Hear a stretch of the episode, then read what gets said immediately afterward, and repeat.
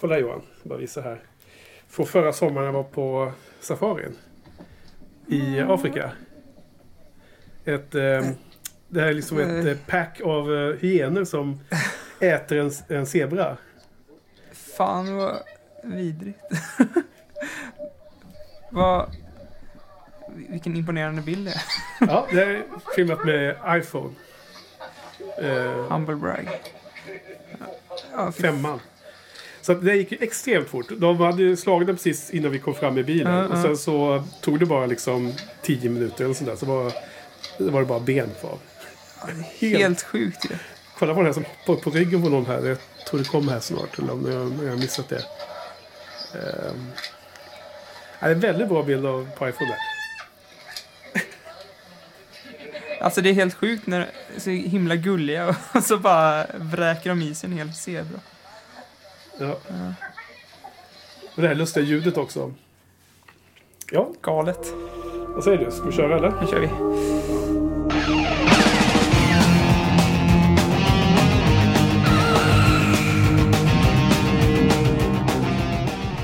Let's do it! Välkomna till eh, Buffy-podden.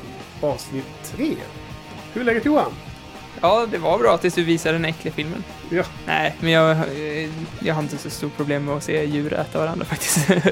men, men det var ju jäkligt fascinerande, det måste jag säga.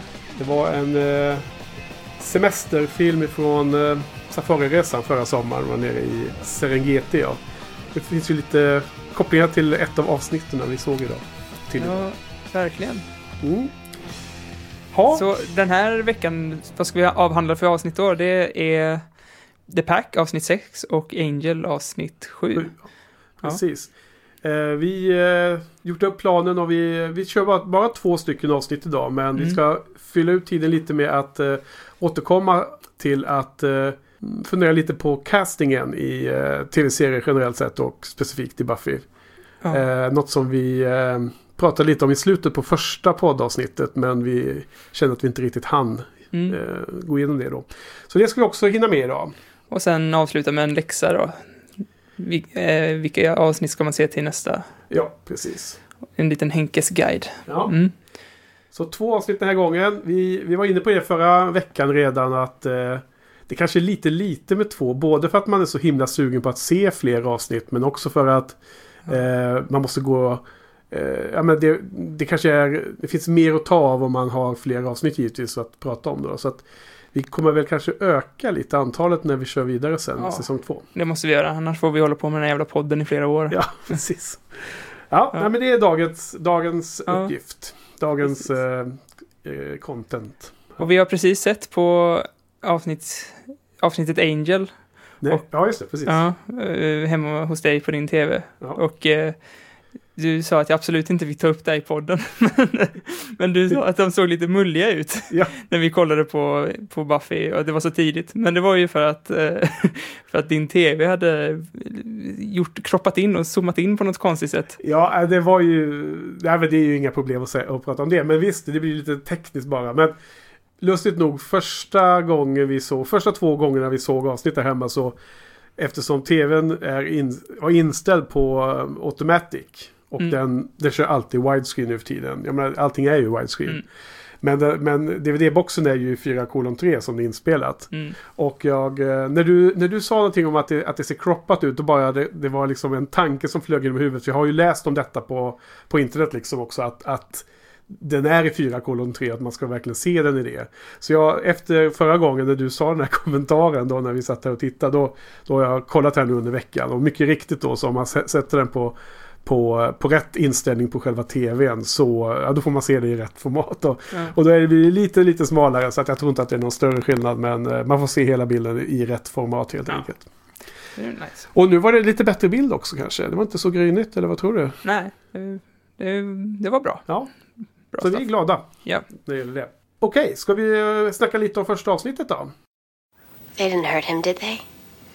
They uh, ate him avsnitt nummer sex, The Pack, eh, som handlar om, om eh, ett, ett, Buffy och gänget är på klassresa, och, och, eller klass, de är på field trip day på ett zoo och blir, och ett gäng där blir besatta, eller vad man ska säga, förhäxade av, av hyenor. Och då, börjar så här härja på skolan och, och äta upp folk till höger och vänster. Och då är det upp till Buffy nu då och eh, sätta stopp för det här.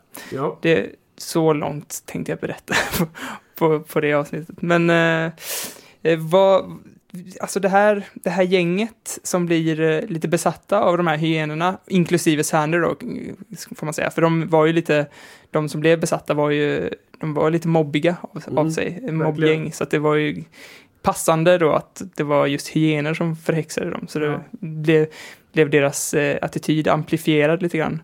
Men Sander då blev ju helt mm, som bortbytt. De här har vi inte sett tidigare, de, det här packet, vad jag kommer ihåg i alla fall. Eh, De här eh, retstickorna. Ja. Vad tyckte du om den castingen? Med tanke på att vi skulle snacka om casting i det här Ja. avsnittet. Eh, jag tyckte att den, eh, bra fråga för övrigt. Jag, nej, den var inte så jättebra. De, därför att förvisso så är de ju helt okej som sådana här extrema mobbare som de blir. De, de är ju mobbare och så blir de ännu mer. De blir förstärkta i den eh, mentaliteten när de så att säga blir eh, eh, besatta av eh, de här hyena, eh, hy, hyenorna då. Som, Mm. som vi, vi är en besvärjelse. Men problemet med castingen, är, eller castingen där är ju att de är lite väl gamla tycker jag, skådespelarna. Ja, det tänkte jag inte på. Du, Jag- det, var, det var inte det störde du... mig- Jag störde mig bara på att de var så över... Att de spelade att, in i klichén så himla, himla mycket på något sätt. Ja, alltså det, liknelsen eller själva temat i avsnittet är ju då givetvis att eh, mobbare är, beter sig på det här sättet. Att det, det är den kopplingen liksom. Som att de beter sig i en grupp och eh, hackar på de svaga och allt det där. Och det är ganska mycket av den biten som är övertydligt i avsnittet så Ja, självklart. verkligen. Men jag, jag, jag tänkte på det med åldern på skådespelarna och just när du frågade om castingen att den kanske var eh, tog en lite ur eh, eh, känslan eftersom de ser avgjort äldre ut än de andra som Mm. mm. high school-eleverna då. då. Ja, det var många saker som tog en ur avsnittet den här gången, tyckte jag. Faktiskt. Mm, Okej, eh, berätta. Ja, men eh, ja, det här är nog det avsnittet som jag tycker minst om faktiskt. Ja, Eh, eh, Buff, alltså, alltså alla avsnitt, det som har varit så himla nice med Buffy är ju att han har ta, de här fåniga liksom, koncepten har han ändå ta, har, har Joss tagit med så himla stort allvar liksom. Och här så har han inte, inte riktigt eh, gjort det tycker jag. Ah, till exempel så de här liksom att de äter upp andra människor. ja, Det är ju egentligen svinhemskt. ja, ja. Och man skulle kunna göra det så, och det spelas upp som ett, liksom, ett, skämt i, ja det, precis. Det är en del av skämtet i alla fall. Även om jag tycker det finns en gnutta allvar. Jag menar hur huvudpersonerna reagerar eh, när eh, det här eh, The Pack har, har mördat eh, rektorn där då. Som för övrigt var en favoritkaraktär eh, karaktär redan på den här korta tiden tycker jag. Mm, Flutig där. Ehm, men ehm, jag vet inte, alltså jag, jag, jag tycker ändå att hans död eh, hanteras med en viss res, eller med en ganska god respekt. Inte så eh, mycket eh, bara galen humor över det. Jag tycker att de gör ju ganska mycket humor över att, att det här eh, hyena människopack eh, gruppen tar ju ihjäl, eh, äter ju först upp den här lilla grisen som är skolans Mm. maskot. mm, Eh, där, där skämtas det ju hej vilt om det tycker Ja. jag. Eh, generellt sett när jag såg den här första gången då var det ju, tyckte jag, sämsta avsnittet på säsong 1. Mm, Eh, när man läser lite på olika forum och så, då, är, då visar det sig att det här är ju lite av en vattendelare. Det finns ju de som tycker det här är jättebra. ja, Och det finns de som tycker det är helt kast. Och jag tror att det är precis den skiljelinjen. Om man ser det här överdrivna och alltså för att vara en helt fantasybaserad serie som är helt orealistisk jämfört med våran verklighet så är det här orealistiskt inom den orealistiska världen till och med. ja, Hela det här avsnittet. Men däremot finns det också ganska mycket humor och det är ju kul med när Sander är en tuffing eller han, han spelar ju helt annorlunda. Han är ju verkligen eh, Sanders- annan, annan, eh, annan figur. Det är bra skådespeleri tycker jag det är. ja, ja, men den var helt okej. Alltså, det är verkligen Sanders tur att flexa sina skådespelarmuskler i det här Mm. avsnittet. Däremot så tycker jag nog att eh, det hade varit mer effektivt känslomässigt om hans karaktär låg närmare honom själv, alltså hans personlighet. För Ja. nu var det ju liksom 360 graders skillnad på honom. Om, om, det, om, det, om man hade tagit Sanders dåliga sidor och Ja. gjort dem ännu sämre. Eh, så, att, så att Willow och Buffy verkligen fick fundera på om, om, om, det, alltså, om hans rätta jag kommer fram. Som folk brukar säga, när man dricker så kommer ens rätta Ja, jag ja. fram, vilket kanske Skål. inte är helt, så, helt sant. Skål. Men, eh, ja, så, så jag, det tror jag hade varit en bra grej, att, att eh, spela på hans dåliga sidor istället för att Mm. göra den här 360 graders omvändningen. Mm. Ja, jag håller faktiskt helt med där och eh, det är något som jag har funderat lite på för att eh, under de två första avsnitten har vi pratat om att, eller du kommenterar om att jag, och andra som du har pratat med har tjatat om att säsong 1 är svagt.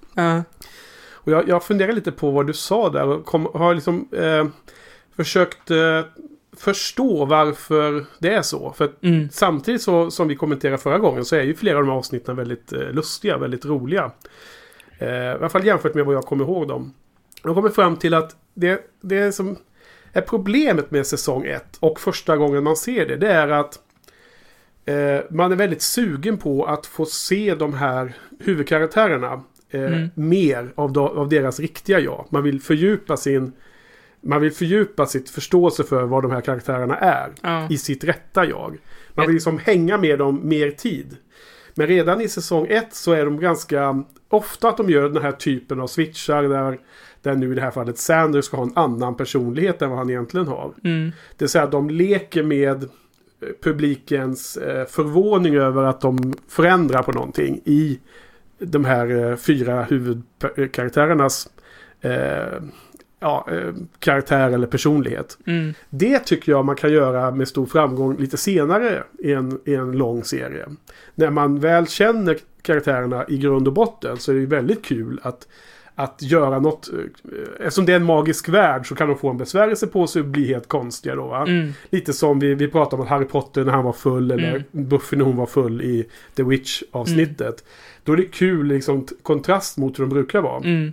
Man tar en väldigt eh, allvarlig karaktär eller butter och så gör man den eh, lattjo. Liksom, och så får man Ja. en karaktär. Så. Ja, det var en jättebra poäng i, tycker jag. Men jag gillar inte det i början. Du var inne på det här förra gången också. Att vi vill se Buffy och Mr. Giles bonda mer. Och Mm. träna sig inför utmaningarna. Liksom sju säsonger av... Det blir ju liksom Ja, tyngre och tyngre utmaningar som kommer. ja, det kanske kan komma till senare i nästa avsnitt också med relationen mellan Angel och Buffy som jag tycker är lite för hastad Ja. på något sätt. Så att, så att min konklusion är att anledningen till att jag första gången jag såg den här säsongen reagerar mer negativt på de här som man kallar de stand-alone avsnitten där det är lite Monster of the Week och sen så löser de problemet och går vidare. Men det är liksom det, det, eh, det går inte vidare i den stora eh, story-arken. Det är just för att det kommer lite tidigt kanske. Man är inte riktigt eh, redo ännu att ta in eh, att hålla på och eh, ändra på deras personlighet. Och det, det görs ju en hel del liknande saker. Det händer ju grejer. De kommer i olika situationer som, som, som ger effekt på något sätt. Och det, desto längre det har gått i serien desto roligare är det nästan att sådana här saker sker. Ja. Ehm, så.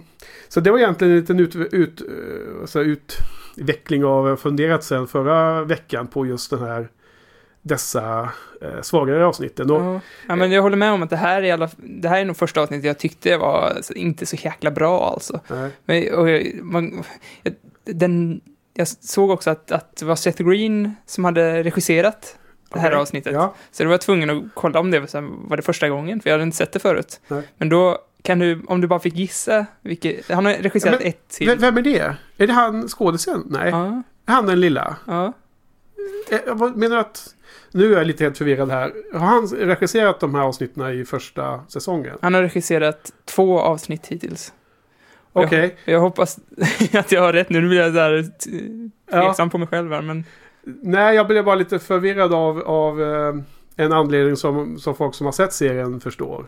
ja, för att han är med. För han är med. Ja, men det, Jag trodde ju att jag såg honom i första avsnittet. Ja, ja det kanske gjorde. Ja, för jag sa det till dig. Där var Seth Green och du bara, va? Vadå? Ja, okej, nej. och, men, men, eh, för att jag visste att han skulle vara med Ja, då, så jag ja. trodde att han... han är ju med senare. Ja, Om det är den här korta killen som Ja. jag tänker på. men tänk om det... Han hette något, an, något mer än Seth Green i... Ja, det Ska måste vi, jag säkert kolla vi, upp det. ska vi ta ett klipp där och kolla upp det? Ja, vi får, får ta en, en paus. Bruce Seth Green, regissör. Det är någon annan. Det är någon annan. Grr, arg. Okej, we're, We're back. back.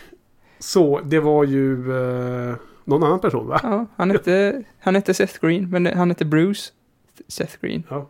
Vad, vad hette han uh, skådisen? Han hette bara Seth Green va? Ja.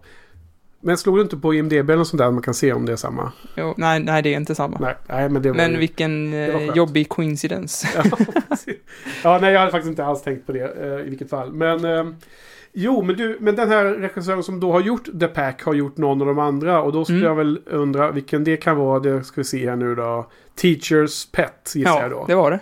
Ja, för det är också lite av samma karaktär över Ja. det avsnittet. Mm, som jag, jag tyckte Teachers Pet var mycket bättre, men Ja, eh, men var det bättre för humorn var, var bättre eller Ja. var det bättre för att själva eh, den där storyn om eh, eh, The Praying Ma- Mantis var bättre än storyn om The Pack, om hyenorna? både och tror jag. Både och, okej. Men däremot så är det ju det är svårt att göra en bra story om den här Praying Mantis-grejen. Jo, helt sant. Jag, jag, jag tycker i alla fall att eh, The Pack var bättre än vad jag kommer ihåg den. Okej. Och det är samma visa som det varit hela tiden. Att i princip så har, förutom första avsnittet som varit jättebra i båda lägena, så är det de, Mm. de som jag kommer ihåg som lite starkare har, har varit lite, något mer ljumna än vad jag kommer ihåg dem. Och de som var som svagast har varit lite varmare. Allting har dragit sig mot mitten på något sätt. Men, men det är en lustig effekt då att man, man ser om och man ser andra saker. Och du vet ju själv hur det är när man ser det för andra gången. Ja. Att du eh, fokuserar på liksom de här eh, små lustig, lustig vad heter det, kommentar som kanske Will, Willow säger. Eh, någon rolig min som Buffy ger eller Ja. någon lustig liten eh, egenhet eller tics som eh, Mr. Giles har för sig. Och man, man struntar fullständigt i själva mysteriet eller handlingen i det avsnittet. För det, det vet man redan, man vet att det har ingen betydelse. Ja. Det kommer, man, man kommer inte bygga vidare, jag kan säga det, man kommer inte bygga vidare på The Pack speciellt mycket under sju säsonger. Nej. Utan det är något av en Det är rätt konstigt egentligen att, att de valde att gå... Alltså, egentligen så var det ju perfekt att låta, låta Cordelia vara leader of the pack. ja. Eftersom jag, jag läste lite på lite om, om det här efter, jag såg avsnittet. Men uh, hyenor är ju... De, de lever i ett patriarkat liksom. Så det är ju en tjej som leder. Och, Ja, ja, ja. Det, och Cordelia hade ju passat... Hon är ju, i alla fall för mig hittills. En, en mobbare. Som, Queen Bee. ja, Lite en uh, bi-drottning så ja. Ja. Och har en svärm runt sig hela tiden. mm, Eh, ja, Okej, då har de nog inte riktigt varit hundraprocentiga kanske i sin bakgrundskoll där. För jag fick alltid en känsla av att det var den här mörkhåriga killen som var ledaren för det här gänget. I, I det här avsnittet. Det var inte någon av de två. Det var ju två tjejer och två killar Ja. som Sander hängde med. ja, Men det var ju han, den lite mörkhåriga killen som var mest framträdande av de fyra. ja. Jo, men jag tänkte, jag, jag, tycker bara det, jag vet inte om jag missuppfattar det nu, men eh, jag tyckte det var missed opportunity att Ja. inte ha en tjej som ledare och att inte ha Cordelia som ledare då. Jo, jag förstod det. Och jag bara menar att det här de kanske var- gjort lite sämre bakgrundscheck. Ja, okej, okej. I och med att Ja. man får känslan av att det är killen som är ledare. Mm. Att, eh, och även om de inte ville ha med Cor- Cordelia här av olika skäl kanske. Så hade de ju kunnat ta en av tjejerna. För de var ju ganska... Fick du bita dig i tungan nu för att inte... nej, nej, men... eh, avslöja varför du tror att inte Cordelia skulle jag, vara Jag vet inte, leader. men... Eh, nej, men hon har ju liksom en, en... Hon har ju förstås en roll i det hela. Och de här... De här figurerna har vi inte sett tidigare så vitt jag kan komma ihåg. Vissa av eleverna återkommer i den här första säsongen. Och, eh, Ja. som, som är non-speaking eh, liksom, statister. Men de återkommer, man ser dem igen och sådär. Ja. Eh, Det tycker jag är lite roligt ändå. Det är kul, ja. Det Men- finns någon stoner som dyker upp i början och som vi har sett en gång till här nu tror jag. Jag långt ett, ett, goof om det här avsnittet. Jaha, Eh, att en av de här som var med i The Pack, Ja. eh, en av hy- hyenorna då, han, när de skulle spela in den här, för övrigt alldeles för långa slow motion scenen när de gick och var coola på skolgården. ja. Ja, Men som ändå var lite cool. Nej, nej, eller ja, i första fem sekunderna. Ja, ja. Sen så gick, nej, jag, jag tyckte, tyckte de hade kunnat gjort dem mycket coolare alltså. För att Ja. jag, tyckte, jag tyckte de bara spelade över det här hygienegrejen och så. Ja. Men i alla fall så hade han, han fattade inte att de la på slow motion effekten i efterhand, så han gick i slow motion bara. Okej. Men fick de Ja. stanna honom bara, hörde du, gå normalt så Ja. slow motion kommer sen liksom. Post production. På tal om det så eh, hörd, såg jag ju på kommentarerna på Buffypodden.se att eh, en av våra lyssnare hade lyssnat på oss i 1,5 gånger hastigheten. Ja. Och tyckte att vi pratade så himla fort hela tiden. Sofia ja. Ja. Så det var ju det var lite härligt att eh, det gick att reda ut att vi, vi kanske pratade normalt egentligen. ja. ja. Eller hur är det? Vi pratar väldigt fort och så drar vi ner tem- speeden i ditt program där eller? Nej, inte riktigt. Ja, okej. Men eh, The Pack ja. Eh, något annat där. Eh, jo, att det är ju han rektorn Fluty som, som dör där då i, Ja. i detta. Vi, som vanligt så hoppas vi ju att lyssnarna har antingen sett avsnitten eller episoderna vi pratar om. Ja. Alternativt inte bryr sig om att, att vi avslöjar lite saker. I och med att vi pratar om det. Och det, det tyckte jag var väldigt trist. Det var en kul figur som var... Jag vet inte riktigt hur de tänkte det, men han var, hade ju varit ganska bra att dyka upp lite då och då. Mm. Bara hela hans, när vi etablerade honom första avsnittet när han tog emot Buffy som ny, nytillkommen till den här skolan och hela hans manér där Mm. när han rev hennes records. Och sen när han läste eh, närmare så började han tejpa ihop dem igen. Ja, det var Den- ju den lite scenen. av ett Game of Thrones-move att döda honom. Och, det, Ja. och det jag tycker det är lite synd att de inte gjorde det, att det fick större tyngd i, i avsnittet. Ja. Så att man... Mer allvar, det Ja. var det du var inne på i början ja, där. ja, men precis. Ja. Det, men även så här, Sander försökte ju egentligen våldta sin bästa kompis. Eller Ja. näst bästa kompis. Eh, sin kompis i alla fall. Wi- Och det, Willow. nej, Buffy. Buffy.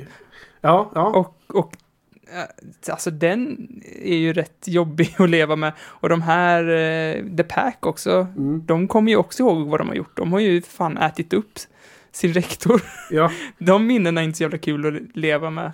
Jag tyckte de gjorde det bättre i avsnittet efter Angel. Där Mm. får jag, Angel veta att, att eller där berättar han så här att det var jättejobbigt att leva med att ha Mm. dödat sin familj. Mm. För de sätter ju in hans själ igen i Mm. efterhand. Mm. Så där, där är ett perfekt exempel på när de gör det bra och här är bara liksom Mm. spola förbi det här. Och det är bara ett skämt som, mellan Giles och Sander egentligen i slutet att, men eh, det står ingenting om att man tappar minnet av den här Nej. besvärjelsen. Mm, nej, Och så går Sander iväg och man ser att han, han bara- lider av eh, alla de här grejerna han sa. och Alla, framförallt det han sa till, till Buffy. Det finns ju en... Alltså, jag, jag, tror att, jag tror att anledningen till att det blev snett i det här avsnittet är nog att man har fokuserat så mycket på att det ska vara ett humoristiskt avsnitt.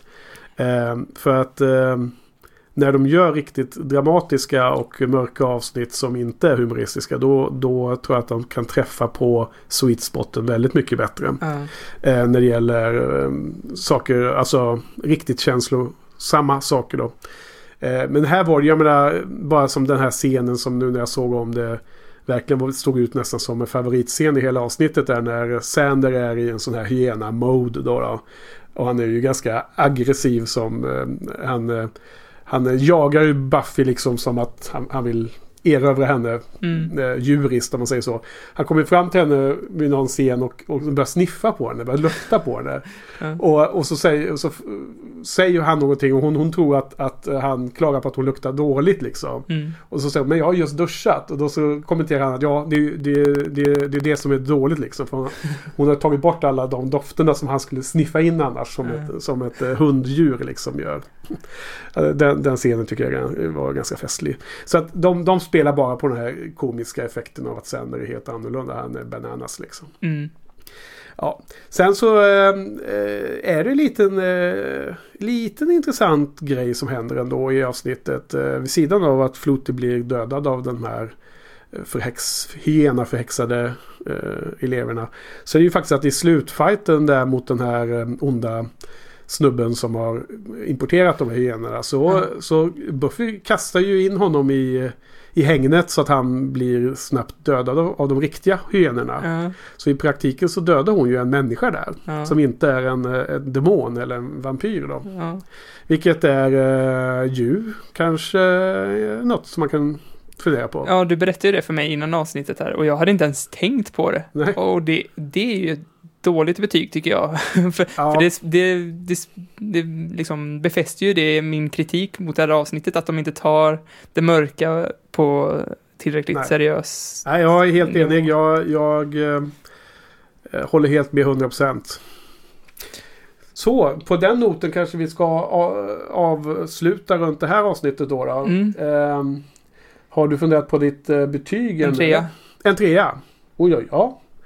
Absolut. Jag gav ju den en, eh, en fyra första gången. Ja. Ehm, och nu så har jag skrivit upp fem här då. då. Men eh, nu har du å andra sidan eh, påvisat på vissa svagheter som jag kanske inte tänkte på riktigt. Nej, men jag tror också det är så att man har olika typer av humor och jag har, har svårt för typ så här slasherfilmer där, det, där humorn bara är att ben knäcks åt konstiga håll så här. Ja. Det, I och för sig såg jag I am, eh, I am Hero där på filmfestivalen. Där tyckte jag det var svinkul när zombisarna dog eller skadade sig på olika sätt. Ja, men, ja. men det är undantagsfall. Ja, det är ju nästan precis som att jag skulle vara den som gillar den, den typen av slasherfilmer mer då. Ja, Kanske, fast jag gillar inte sådana filmer alls ju. Eh, Så att det är också Ja. inte riktigt helt. Ja, ja, men poängen är väl i alla fall att man har olika typer av humor. Och man kan tycka eh, om det här avsnittet mer om man, om man är i synk med den humorn liksom, som de har i Ja, den. precis. Och det, det är nog... ehm, jag satte femma innan vi snackade så jag får ju håll, stå fast vid det. eh, eller så får jag ändra i efterhand. Men det kan man ju också göra i och för sig då. Men jag tror också att det är... Här är ytterligare ett fall där förväntningar spelar en så stor roll. Eh, Ja. Jag kommer ihåg det. Jag, jag tittar på mina anteckningar från tio år tillbaka och tänkte att det här är ett riktigt risigt avsnitt. Och sen börjar man se scen efter scen som var ganska lustig. Och Eh, det finns ju de roliga grejerna här är, är ganska påtagliga när man liksom väl lägger märke till dem. Och eh, som jag sa i början också, det är en vattendelare. Vissa gillar det jättemycket och håller det som topp 5 Mm. från säsongen. Och vissa tycker bara att det här är liksom verkligen bland det sämsta både i säsong 1 och alla andra säsonger. Ja. Så båda åsikterna finns. Vad bra. Mm. Men du, vi går vidare. Det gör vi. So he is a good vampire. On a scale of 1 to 10, 10 being someone who's killing and maiming every night, and 1 being someone who's not. Vi skulle ju prata om castingen i det här avsnittet. Eh, Ja, jippi. Så, ja, det, den, Buffy har ju, serien Buffy har ju verkligen så här, eh, bra casting som Joss, eh, eller jag, jag tycker i alla fall, du är skeptisk. Ja. Men Joss har ju en jäkla förmåga att casta speciella, eh, liksom, bra casting helt, helt Ja. enkelt. Så vad, vad tycker du om, om eh, Ja. castingen hittills då? Ja, precis. I, I Buffy så är castingen bra överlag. Men den är eh, ojämn kan man säga. I senare säsonger så finns det karaktärer som jag tror eh, inte funkar så bra mycket på grund av castingen. Så det är helt klart ett område som, eh, som är väl värt att fundera på ibland när det gäller just den här serien. Eh, under första poddavsnittet här för två veckor sedan så eh, refererade jag till Firefly några gånger och du försökte ivrigt eh, baita mig att eh, säga att Firefly inte var så bra. Jag, jag tog inte den där. Nej, men det, verk, det verkar vara lättare att få dig att tycka någonting är dåligt än att få dig att tycka någonting är bra i alla fall. Nej, då. Nej, men jag tänkte att du, du ville att jag skulle argumentera emot. Men eh, som ett exempel på helt sensationell casting är ju just Firefly, det var det jag skulle komma till. Eh, där, jag, där jag känner att den serien lever väldigt mycket på de individerna som spelar sina livsroller där. Eh, vad som är intressant i, i det fallet, och det är också Joss och hans team som har gjort den castingen. Mm. Det är ju att de eh, eh, i Firefly eh, så Marina Baccarin spelar ju Inara. Eh, den Mm. tjejen i, i besättningen. En av de nio huvudpersonerna. Eh, tydligen så var det en annan tjej som, som hade den här rollen först. Och Mhm. eh, då kände de direkt att det var fel. Och hur man så snabbt kan inse det måste ju tyda lite på ens förmåga inom att, att känna av vad som är rätt och fel i detta. Ja, så har de väl gjort det Tillbaka till framtiden. Marty McFly var väl... Vem var det som skulle spela honom Ja, först? precis. Det hörde jag också om eh, ganska nyligen. Det var ju runt det här eh, årsjubileet om... Eh, eh, vilket datum var det nu då? 18 oktober. Vilket datum var det? Eh, jag, 25? jag Ja. kommer inte Jag ihåg. kommer inte ihåg. Det, det är datumet som de eh, eh, åkte till i Tillbaka till framtiden 2. Eh, precis, det var Eric Stoltz tror jag. Eh, Ja, det var det eh, som skulle spela Marty McFly. Men att de kände direkt att han hade inte den Komiska... ja, just det, komiska ta- tajmingen. Och att Mm. han hade ett alldeles för stor så här, seriös och var ganska sluten. Så. Ja, undrar om det, det... Det är nog inte så vanligt att man byter ut skådisar på det viset. Nej men alltså samtidigt så kan man ju knappt... Eh, man förstår ju verkligen hur bra Michael J Fox är i den. Ja. För att liksom... Han är ju, han är ju duktig men, men han är ju också ganska lik sig själv i de flesta rollerna man ser honom i. Så att, eh, I så, sådana fall när man har skådespelare som ofta återkommer till samma grundelement i sin karaktär oavsett vilken film eller serie det är. Tror jag ju spelar ganska nära sin egen persona. Det- Sådana här riktigt klassiska superduktiga skådespelare kan ju vara från, från liksom eh, eh, dag och natt helt olika karaktärer från film till film och då är de ju riktiga, riktigt bra skådespelare. Men eh, är man liksom någon som alltid faller tillbaka till samma typ då tror jag att man mer spelar sin comfort zone och den är på något sätt tagen ur sin egen. Jag menar Harrison Ford, han är ju nästan alltid samma typ. ja. Liksom. Jo, men Willow, vad heter, hon? vad heter hon? Hon spelar ju också ganska samma person. Ja. Alltså, lite såhär tafatt blåögd tjej. Så. Ja, för hon är också intressant. Men för bara eh, slutföra det med Firefly så hade man då eh, direkt känsla av att den man hade valt då, då var man inte övertygad om att hon var rätt. Och de till och med filmade scenerna med den här hon som spelar Inara först i eh, vissa vinklar så att det gick att byta ut skådespelaren. Och sen fick de säga upp eh, henne ganska snabbt och så hittade de då eh, Marina Baccarin som, som är ju eh, lysande i den här rollen. Och så fick de, de komplettera upp med henne då. då. Och eh, här i eh, Buffy då, om man går in på vilka var här. Där just Willows eh, casting var ju också... De bytte ut den. Det, Mhm. det känner du till? Nej. Nej. De hade en annan tjej som spelar Willow. Mm. Eh, nu har jag inte skrivit ner vad hon hette. Men hon var inte alls samma mm, kroppsbyggnad. Hon var lite... Hon såg annorlunda ut hon var nog en annan aura runt henne. Ja. Och de, eh, det dög inte, eller det, det funkade inte. Så hon byttes ut. Så Elson Hennigan kom in efter, efter så att säga. Det måste, det måste fan vara hårt att byta ut en skådis så. Jag, tänk, jag såg, eh, eller jag hörde han som regisserade This is England prata för Mm. några år sedan på någon face to face på filmfestivalen. Ja. Och han, han, innan de drar igång inspelningen så har, har de någon slags teambuilding som är så, så sjuk, sjukt eh, intensiv. Liksom. Ja, Så jag antar, antar att de inte har lika intensiv teambuilding i Buffy, men, men det måste ju ändå vara någon slags teambuilding innan man, så att folk är bekväma i varandras närvaro och sådär. Och sen bara byta ut någon så kall, kallhjärtat, Ja. det måste vara fan hårt alltså. ja precis. Jag, jag tror att man... A- även vanliga TV, tv-serier måste ju ha att man läser lines ihop och lär sig Mm. dialogen. Och Mm. att det finns en massa repetitionstid som, som går åt att lära känna varandra på det sättet.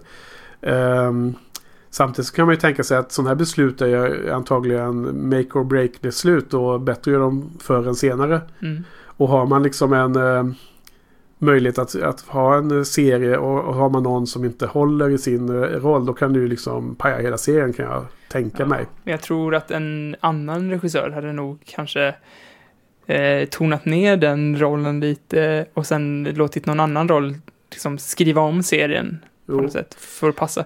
För jag, jag vet, New Girl gjorde ju en sån grej. Jaha. Att de bytte ut den, Zoe den De- svarta... Deschanel. Ja, de bytte ut den svarta killen efter, jag vet inte, Jag hur, många, hur många avsnitt.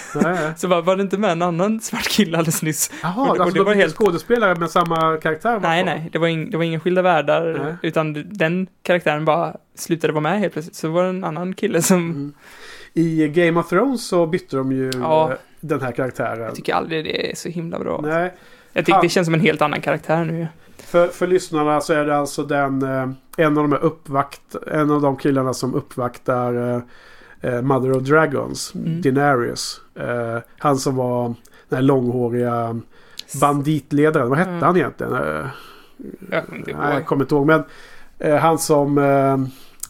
The, vad hette The Brothers of Seven, eller vad hette de någonting? Eh, det var ju i alla fall ett gäng som de...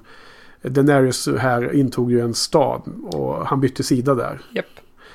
Den snubben bytte de ju skådespelare. Och jag tyckte hela tiden att... eh, Och det var väl mellan säsong två och tre eller något sånt där. Ja. Och jag tyckte att den, den som spelade honom först var liksom minst lika bra. Det kändes... Det har inte... hi- Än, än så länge har det inte ens känts okej med den nya.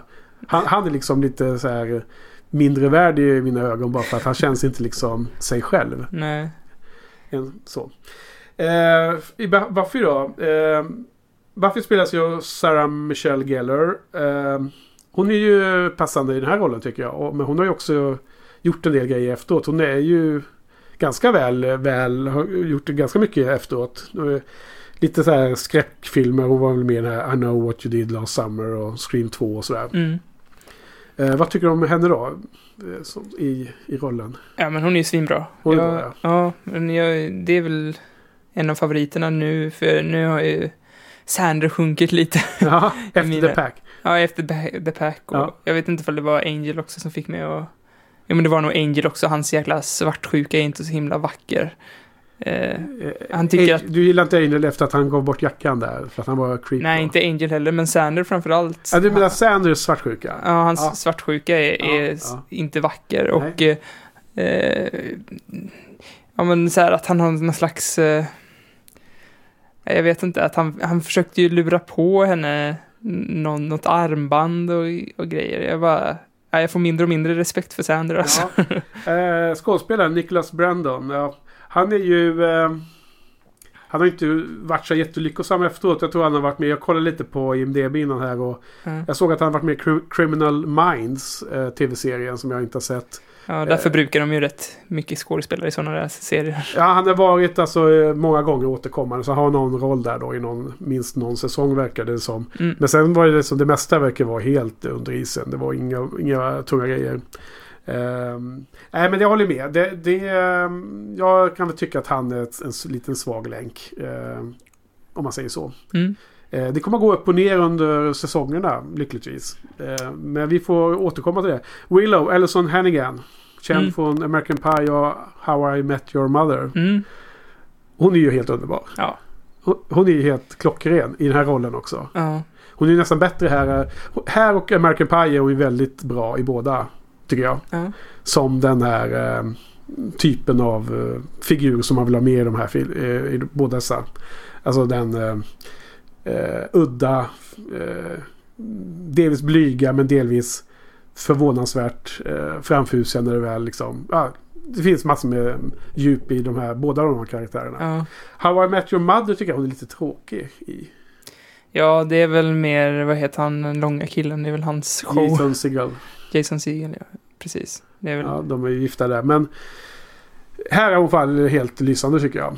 Mm. Och det är lite hjärtat i, eh, i gänget. Tycker jag. Så hon, Ja. hon står för den varma eh, familjefeelingen i gänget. Tycker jag. Mm. Sen då Mr Giles. Är ju Anthony Stewart Head. Mm. Eller Heed. Jag vet inte hur det uttalas riktigt. Men han är ju en brittisk eh, typ. Utan att vara påläst eh, i de- i detaljer så tror jag att han är lite mer av en klassisk skådespelare från Storbritannien. Mm. Så han har varit med i massa olika tv-prylar och så. Och så. Eh, lite olika serier och sånt. Man ser honom lite då och då. Vad tycker du om hon- honom då? Eh, hittills så är jag ganska neutral till honom tror jag. Ja, Tycker varken han är jättebra eller jättedålig. nej, okej. Och sen Angel. Vad heter han då? Eh, David Boreanaz. Ja. Något sånt där. Eh, vet du vad han är stor och känd för efter Buffy? Eh, nej, Bones. Tv-serien. Eh, kollar du på det? Nej, men jag har en kompis som tycker att det är jättebra. Att det är otroligt eh, Ja. eh, humoristiskt. Ja. Så jag vet inte, jag har fått ett starkt eh, stark tips på att eh, kolla, ge, ge det en chans. Att den här kvinnliga eh, detek- alltså kriminalteknikern som analyserar ben som, som kallas för Bones och som har gett serien namnet att den karaktären ska vara himla rolig. Och att han eh, som spelar Angel är ju mer som hennes kollega Mm. eller något liknande. Partner av något slag. Polispartner. Är då liksom eh, stel och den här lite mer eh, eh, väggen som, som hennes skämt eller hennes personlighet studsar mot så att säga. Är den straight guy mot hennes eh, gal, galna figur. Jag förstår. Så har jag förstått det. Mm. Så det kan jag tänka mig. För han är ju lite så här. eh, han, är ju, han spelar ju. Han ska ju vara lite brooding, eh, dark, mysterious, eh, beautiful guy liksom. Med läderjackan tills han ger bort den. Ja. Men du verkar inte riktigt gilla Nej, honom. Han stryker dig mothårs. Nej, det är min minst... Det är den jag hatar mest, den karaktären. Jag hatar mest. Ja. Ja, nej, han är fruktansvärd. Okej. Ja, så du är ingen stor fan. Du sitter fram emot eh, när vi kommer täcka in eh, tv-serien Angel om, om fem säsonger. Nej, Mm. den, får du spela in med, med någon annan. Det kan nog hända så att det ändras tills dess. Man vet aldrig. Och sen den eh, sista som är med i, eh, som också är med i uh, vignett, alltså i eh, titles-sekvensen i början av varje avsnitt är ju Cordelia då. då. Den har vi inte Mm. sett så mycket av ännu. Charisma Carpenter. Ja, och Charisma då. Charisma, ja, hon heter ju det. Vet du vad? eh, Hon var lite känd tydligen innan hon kom till Buffy som en av San Diego Chargers eh, cheerleaders. NFL-laget i San Diego. Jaha, Det- har du berättat det för mig innan? Det kanske jag har gjort. Eh, Jag, trodde att det var, var Sarah Michelle Gellar som var... Nej. Okej, Nej, nej. alright. Det var Cordy. Men har jag sagt det på podden? Nej, det har jag inte. Nej, det tror jag inte. Nej. Men det är ju lite badass. Alltså, vad vara cheerleader i ett NFL-lag, det är ju det är, det är svårt att bli. Det är, ja, men det är nog eh, extremt många som söker till de där platserna. Mm. Och det är ju extremt många som har sökt till Buffy-podden också, men det är bara två. Ja, Så, precis. Det är ungefär lika... Nålsögat är lika smalt där då. Ja. Jaha, vad har hon gjort då efter eh, Buffy? ja, det vet jag eftersom jag ser dina anteckningar. Ja, kan du se dem därifrån eller? Ja. The Expendables 1 Ja. och 2 och Veronica Mars. Ja, precis. Hon var ju eh, flickvännen eller vad det kan vara till eh, eh, Statham i Expendables va? Har du sett dem? Ja, ettan såg jag tror jag. Ja. Sylvester Stallones. Jag vet vad Expendables är, det vet jag. Ja, ja, ja. Men, eh, och jag tror jag har sett ettan till och med. Men eh, de, är inte de ganska bra, de filmerna? Ehm, bra är väl att ta i kanske, men de är väl underhållning för stunden. Ja, men jag håller med. Första var ju precis som du sa. Det var ju så här att det var verkligen klackspark. Det var underhåll för stunden. Tvåan var nog lite svagare än ettan till och med. Eller om den var lite bättre. Mm. Kommer inte ihåg. Det var ungefär samma nivå i alla fall. Trean. Riktigt bra faktiskt. Jaha. Den var, den var nice. Framförallt för att ehm, eh, Mel Gibson spelar ju eh, sk- skurken där. Mm. Och det är ju en av de bästa mm, bovarna jag sett på, på film på bra länge verkligen. Han spelar sig själv också eller? Ja, precis. Kanske. Nej, men det, det passar ju lite med hans problem i den privata sfären. Eh, Judehat. ja, precis. Nej, men han, är ju, han har ju en tuff tid och så. Men han var väldigt bra där i den. Kan säga. Han är väldigt Ja. bra i The Beaver också. Men det har inte jag sett. Ja, det är den bästa filmen sen Clerks 2. Vem har gjort den då? Ja, är, det, är det hon, uh, Contact, som har gjort den? Nej. Eh, Ju- Judy, eh, Jodie Foster. Ju- Judy Foster, ja. Det är hon som har gjort den, va? Hon har regisserat den. Det stämmer, nu när du sa det. det. Mm. Men har hon gjort en komedi alltså? Det går ju helt emot vad man tänkte sig att hon skulle göra. För, mig är det nog mer, mer drama nästan. Alltså, okej, jag trodde det var en... Ja, det Jodie Foster. Åtminstone dramakomedi trodde jag att det var åtminstone. Ja, men det, det är väl, det är ju trots allt. Det handlar ju om en, om en man som får bli besatt av en bäver, eller vad säger man? Han tror att hans, hans, dock, hans eh, sån här hand puppet Okej. finns på riktigt. Jaha. Nej, jag bara tänker på eh, den nakna pistolen där. Eh, Ja, nej, det är långt ifrån nakna pistoler. nej, men det är angående bävern. Det, det, det Ja. Citatet Nice Beaver. Ja. Thank you, I just got it stuffed. Härlig scen. Ja, jätteroligt faktiskt. Min typ av humor. Okej, men du. Då är vi klara med eh, lilla snacket om eh, castingen. Vad kom vi fram till? Att vi ska se inte. The Beaver, Ja, men vi kom fram till att allting kommer att ändras längs eh, resan. 3. Eh, Angående Buffy-casten. jag tror nog att eh, eh, det är kul att vi spelar in det här nu redan i tredje avsnittet. Så sen kan vi titta tillbaks på det när vi har kommit lite längre in i serien och se om, om det finns... Om allting är status quo eller om det har förändrats. Ja. Mm. Ja, jag har ju inte gjort så många inlägg där på eh, casting-segmentet. Men jag har ju sagt vad jag tycker om karaktärerna. ja. Jo, det blev lite intervjuformat där då. Ja. Okej. Men vad säger du? Ska vi gå vidare och eh, klippa eh, det andra, den andra episoden vi ska prata om idag? Yes. Och det är ju eh, sjunde avsnittet eller episoden från första säsongen. Och som heter Angel kort och gott. It's late, I'm tired, and I don't want to play games. Show yourself. Så eh, vad handlar det om då? Det är egentligen så får vi ju Angels bakgrund. Och Mm. eh, eh, får lära oss lite mer om att han har varit... Eh, han, har, han, alltså, han är ju en, eh, en vampyr. Har blivit... Eh, eh, har levt i 240 år och var helt hejdlös som vampyr. Väldigt farlig så att säga. Och han på sina vägar genom Europa så eh, hade han ihjäl då en eh, ung eh, eh, senarflicka som där hennes familj då eh, kastade en eh, besvärjelse över honom. Och återförde hans mänskliga själ in i, i honom som vampyr. Ja. Så att helt plötsligt så är han då det här unikumet då. där, Som, som ofta i sådana här världar finns det sådana eh, individer som är eh, på någonstans mittemellan olika saker. Och så han, han är en vampyr, han är demon, man har sin mänskliga själ i sig och han har då värsta ångesten för vad han har gjort och alla de mord han har begått och alla, de aktion, äh, saker han har gjort som vampyr. Så, att, äh, så han har alltså helt enkelt blivit god. Han har lärt sig att äh, tygla sig och är inte så att säga mordisk längre. Och samtidigt får vi följa också lite den här Darla som är med här nu i början av, säs- av säsong 1. Och eh, det är hon som, som eh, gjorde honom till va- vampyr från början. Och hon försöker ju spela ut en intrig där hon ska lura Buffy att, eh, eh, att anfalla Angel så de kan förgöra varandra. Så det är dra- dramat går ut över. Ja.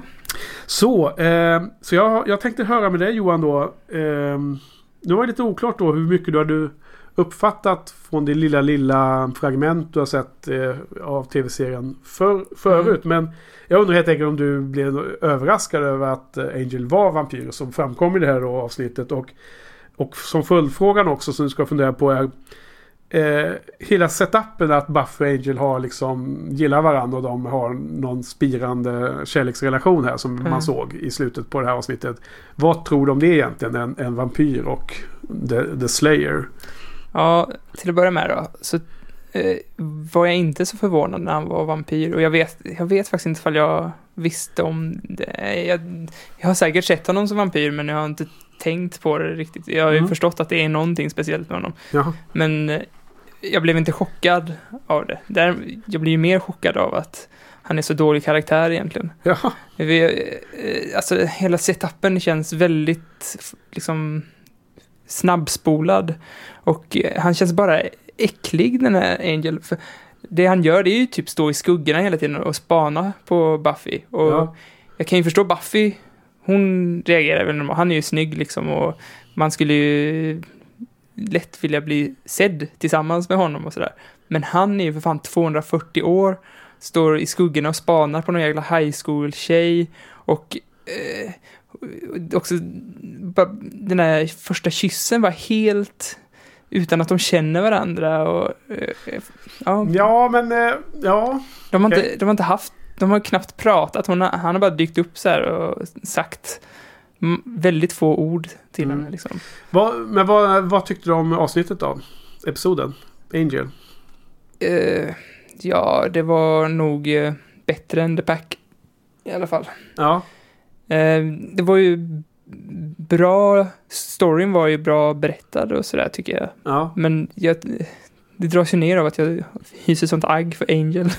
Ja men det är lite lustigt. Jag vet inte riktigt eh, om jag kände så mycket agg om de bitarna. Men det, det är lite av... Det ingår i lite den här typen av fantasyvärldar att... Eh, man får se genom fingrarna av att han är 240 och hon är 16. Ja, men jag tyckte det var samtidigt ganska skönt att slippa den här Twilight-tweeten. Men så fick man den i alla fall liksom. Ja, precis. För parallellerna här nu då med Twilight kan ju ganska uppenbara. Även om Twilight kom långt, långt senare. Jag har ju sett Twilight och den där andra morden. jag, andra filmen sett någonting med Moon någonting. Eh, Också Twilight, eller? Twilight, ja, Blood Moon eller... eh, andra filmen.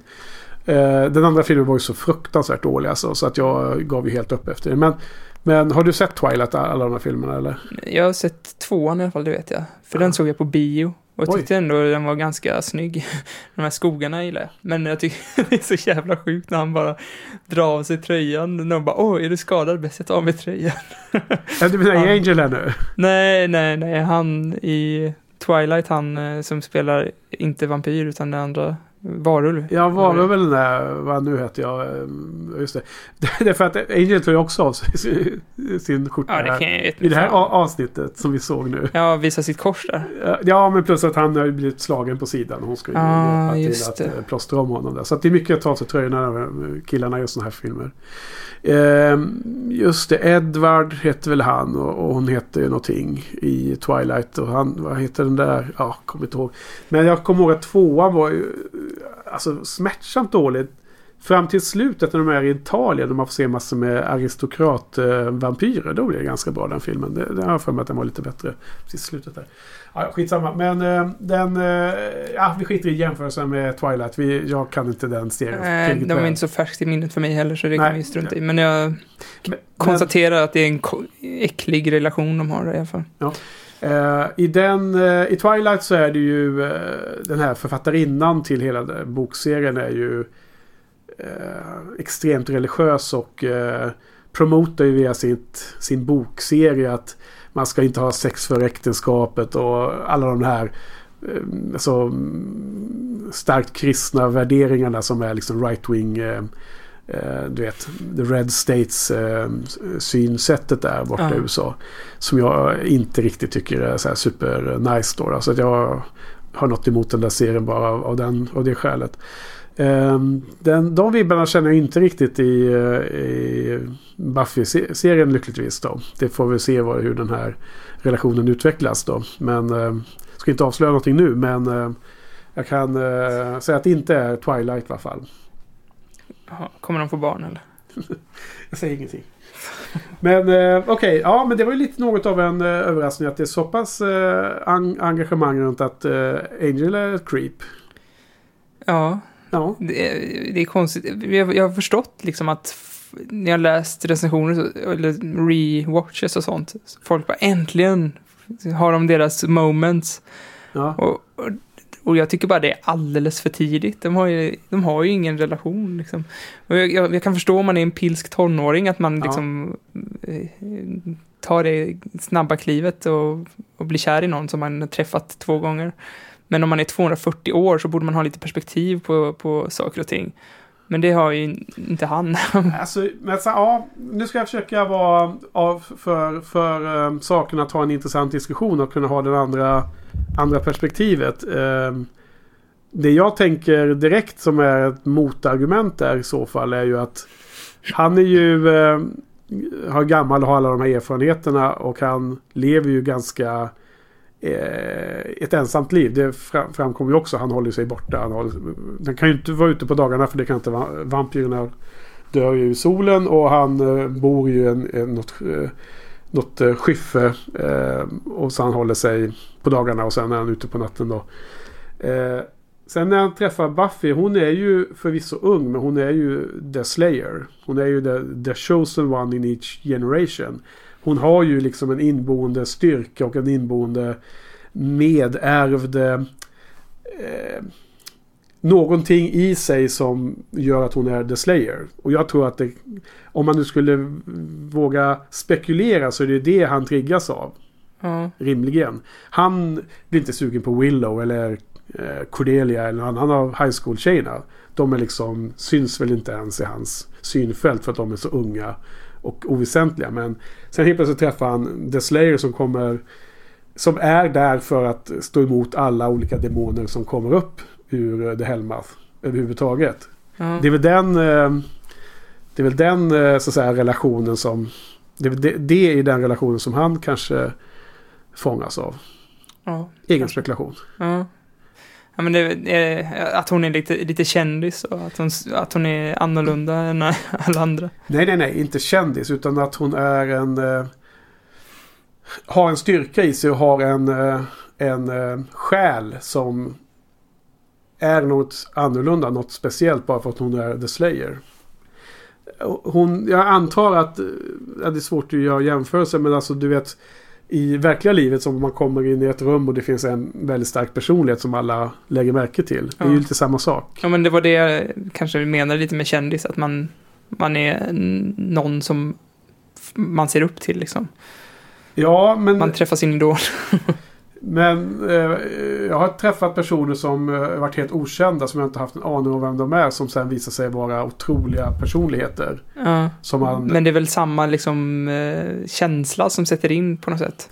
Eh, ja, inte riktigt. Det kan vara mer underdånig så här. Eh, man är lite mer blir fanboy om man, om man ser en kändis. Eller om man skulle träffas. Ja, nu är inte jag superstor fan av vanlig fotboll. Men eh, om man, folk som träffar Zlatan som tycker att åh, de har träffat den kändaste svensken.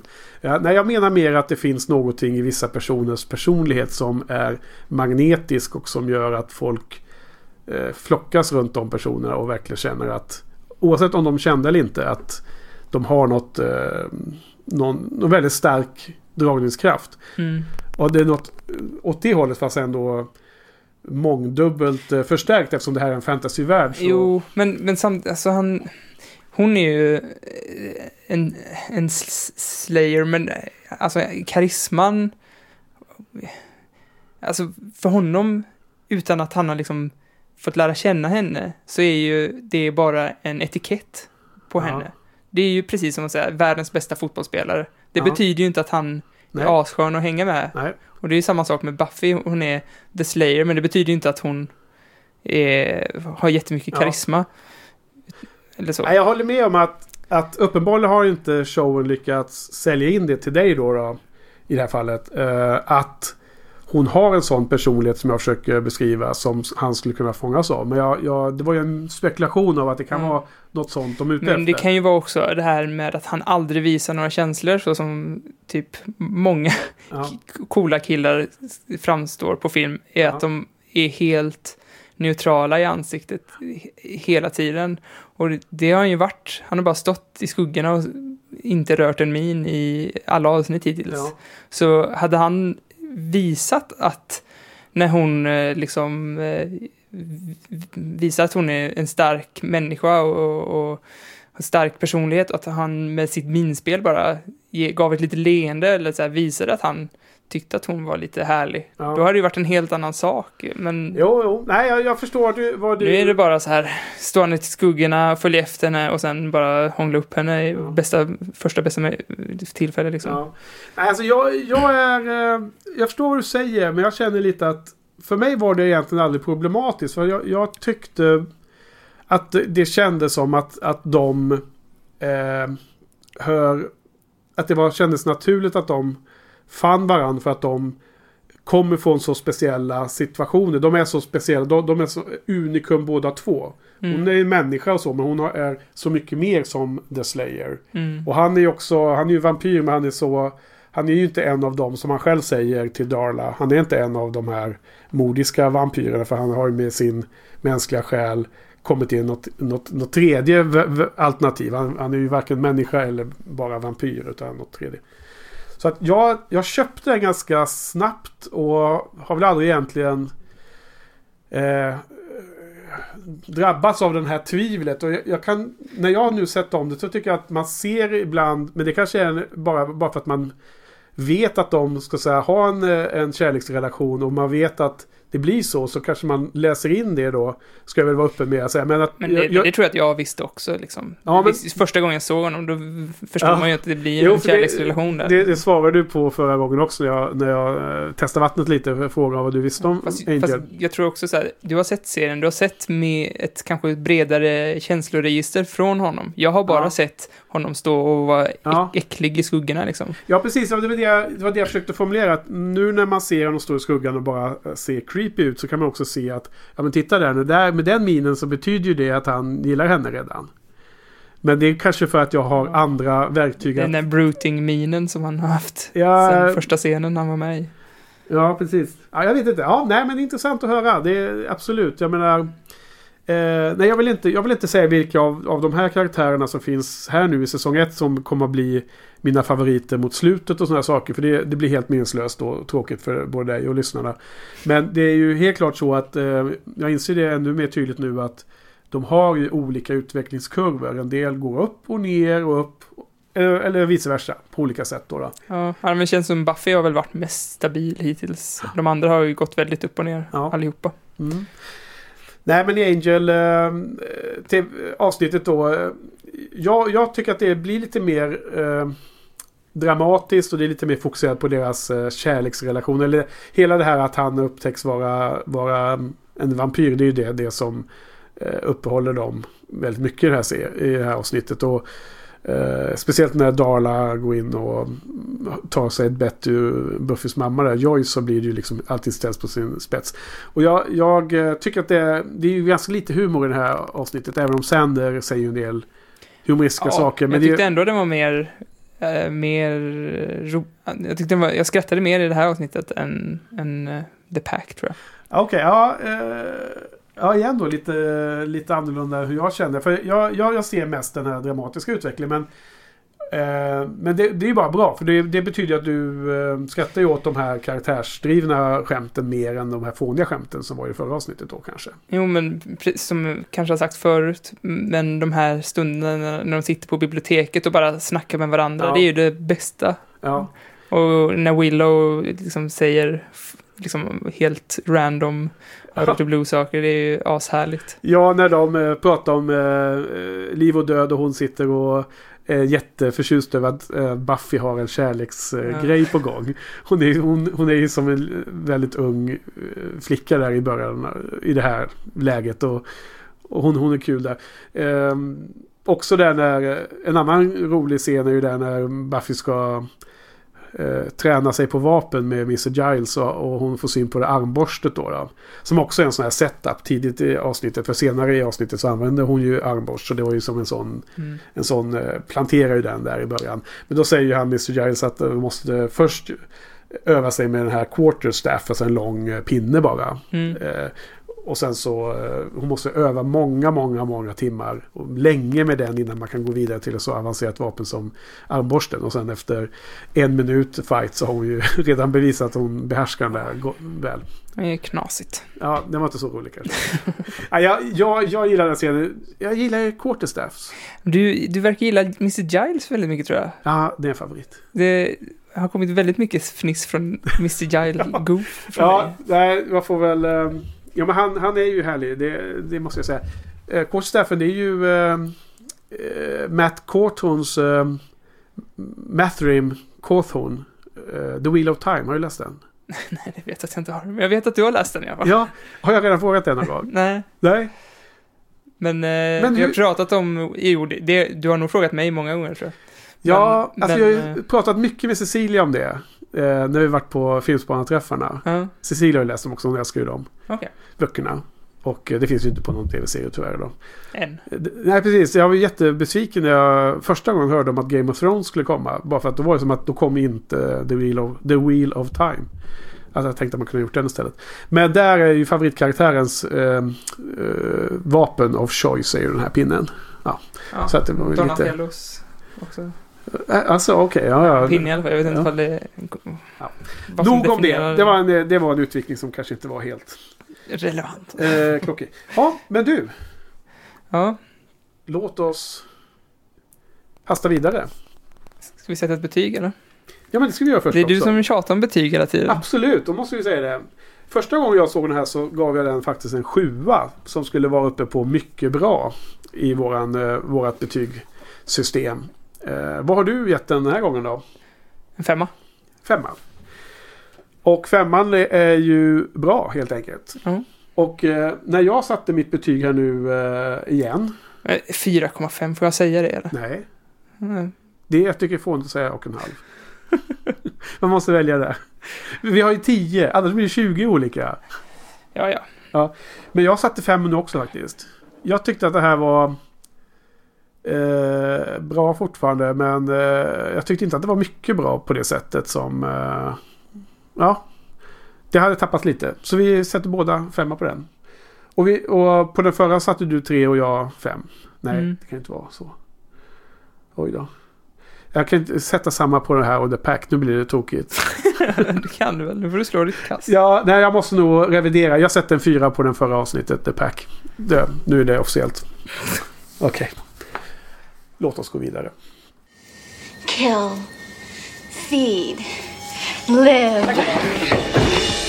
All right. Vad säger du Johan? Vi börjar närma oss slut kanske. Mm. Vi hade funderat lite på att kanske... En annan sak som vi lovade återkomma till var ju eh, alternativa namn på podden. Ja, just det. Det hade vi. För när vi eh, satt där på restaurangen och började... Det var väl du som föreslog en, en podd och följa tv-serien. Mm. Buffy the Vampire Slayer. Då, det var det ju en uppsjö av olika förslag då vi hade innan vi hamnade med det här lite naturliga och enkla Buffy-podden. Kommer du ihåg vilken var den första eh, ledaren i klubbhuset så att säga? Den, det här första förslaget som jag tror Sofia Ja. gav. Buffy och Pålstötarna hette Buffy och Paul-stötarna. Det var ju... Jag tycker fortfarande vi borde heta det. Det, det borde vara vårt eh, alias. det. Det första jag sa eh, att vi inte skulle heta var i alla fall Buffy-podden. Ja, och det heter vi nu. Ja. Ja, men jag tänkte att vi kunde ju lite då och då i avsnitten, eh, poddavsnitten här framigenom eh, kanske återbesöka några av alternativen. Vi behöver inte dra alla nu utan vi kan eh, Ett par till. Slänga ut det. Ja, okej. ett- Men Buffy och påstötarna var ju hysteriskt lustigt. Men det blev för, bökigt att säga och lite för mäckigt att hålla på med olika webbsidor och allt sånt där. Mm. Mm. Buffy-podden är bättre. Vi kan Ja. göra som, eh, som Fiffis podd, att de, den heter, vad heter den? Snacka om film. Ja. Men de säger softpodden hela tiden. Ah, okej. Ja, ja. Så vi, vi, vi kan väl heta, vi kan väl från och med säga, nu säga att vi officiellt heter Buffy och Pålstötarna. Nej. Jo. Nej. Och sen eh, så kallas det är bara ett smeknamn, Buffypodden. Nej. Det är, be- det är bestämt nu. Det heter Buffypodden. Om vi vill så kan det kallas Eh, för jag, och jag, påstötarna jag klipper det här, jag klipper det här. Du, eh, det blir jag som klipper den här gången. Men du, jag eh, vi har ju en eh, ord eh, ekvilibrist, en, eh, en eh, lustigkurre här i- bland kompisarna som eh, latch, leker med ord. Ja. Johan. Ja. Han hade ju en, en uppsjö av olika förslag. Vilken var det som var bäst där från, från Jojje? Eh, Han hade den här Han- jiddra om Joss. det var ju inte så. Det gick inte hem. Var det något mer? eh, jag vet inte. Du ser djupt försjunken ut här nu, bekymrad. Ja, men du gav mig en lapp, men jag hittade inte vad han skrivit för någonting. Nej, men alltså det- en, ett, ett roligt är ju eh, förslag från, från Jojje här. Gosh, it's about Joss. Det är lite svårt att säga. Och då, då tänkte jag att den kan vi faktiskt utveckla till att, att kalla podden för Josh, it's about Joss. Josh, it's about Joss. Ja, Jag hade ju någon, någon favorit från, från Jojje också. Are we done? Ja, We don't know. ja, den är... Men fan också. Jag vill också få fram. Svordomar. Ja. Har du hittat det eller? Nej, skitsamma. Vi får, vi får klippa bort det. Ja. Okej, nej men eh, vi- har flera eh, alternativ men vi kan ta, ta med dem någon annan gång i framtiden. Så låt oss wrap it up här då. då. Ehm, jag har sett två avsnitt idag. The Pack och Angel av två helt skilda karaktärer. Mm. Alltså mellan episoderna. Ett eh, Eh, humoristiskt, lite mer fånigt och lite mer eh, standalone-aktigt. Och det andra som var centralt för hela storyn då. Med hela origins-storyn om, mm. om Angel då. då. Framförallt har vi kommit fram till att uh, Seth, Ro- Seth, Ro- Seth Green Ja, inte regisserade utan det var Bruce Seth Green. ja Och så kom vi fram till att eh, Angel är den sämsta karaktären jag som vi tycker du ja. varit på film eller Ja. tv ever. Och eh, vi kan konstatera att Buffy är supergullig i sin mössa i slutet på The Pack. Sin mössa. Hon har lite, en mörk mössa på sig i slutet där. Det I jag. slutscenen som är så jäkla gullig. Jag tror nästan värt ett helt betyg extra. Det, det måste vi också. Vi Ja. höjer till 11 för det här avsnittet. Nej men den får gå tillbaka från 4 till 5 då. Nej, ska jag bara. Den har 4 av 10. Okej, nej men eh, vad bra. Det, vi ska blicka framåt. Nästa eh, poddavsnitt, poddprogram kommer på måndag. Ja. Om en vecka, då ska vi se tre avsnitt. Det är fem kvar på hela säsongen, så nu ska vi klippa tre. Och det är åttonde avsnittet som heter iRobot, You Jane. Det är det nionde som heter The Puppet Show. Och det är tian Nightmares. Mm. Och eh, sen då sista podd... Är, det något, är det något man mm, kan skippa där eller? Ja, alltså... Jag eh, kommer ihåg att de hade eh, lite olika inslag. Alltså det, alla tre är lite värda att se faktiskt. Men jag tror att iRobot You Jane är väl det som är svagast och som allmänt eh, anses svagast Okej. bland fansen. Jag tror att både The Puppet Show och framförallt Nightmares är ju lite intressanta. Mm. Eh, Ska man se bara ett då kanske är Nightmares. Vi kan ju bestämma det. Vi behöver inte bestämma det förrän du har sett alla tre, vilket vi ska se om. Ja. Men eh, jag eh, tippar att du kanske tycker att vi kan se om Nightmares av de här tre. Mm. Och sen därefter så har vi sista avsnittet för den här första säsongen. Då vi har två avsnitt kvar. De Mm. 11 och 12 då. Så det eh, närmar sig slutet här då. då. Are we done? We don't know. Men, eh, och vi ska också bara inte glömma som vanligt att vi måste tacka Olof Plugforsell för den fina loggan som han har gjort. Ja, det, är det allt för Buffy och Paul-stötarna nu eller? Tack Joss. Tack för oss. Tack Johan. Tack Henke. Ja, hej då. Hej då!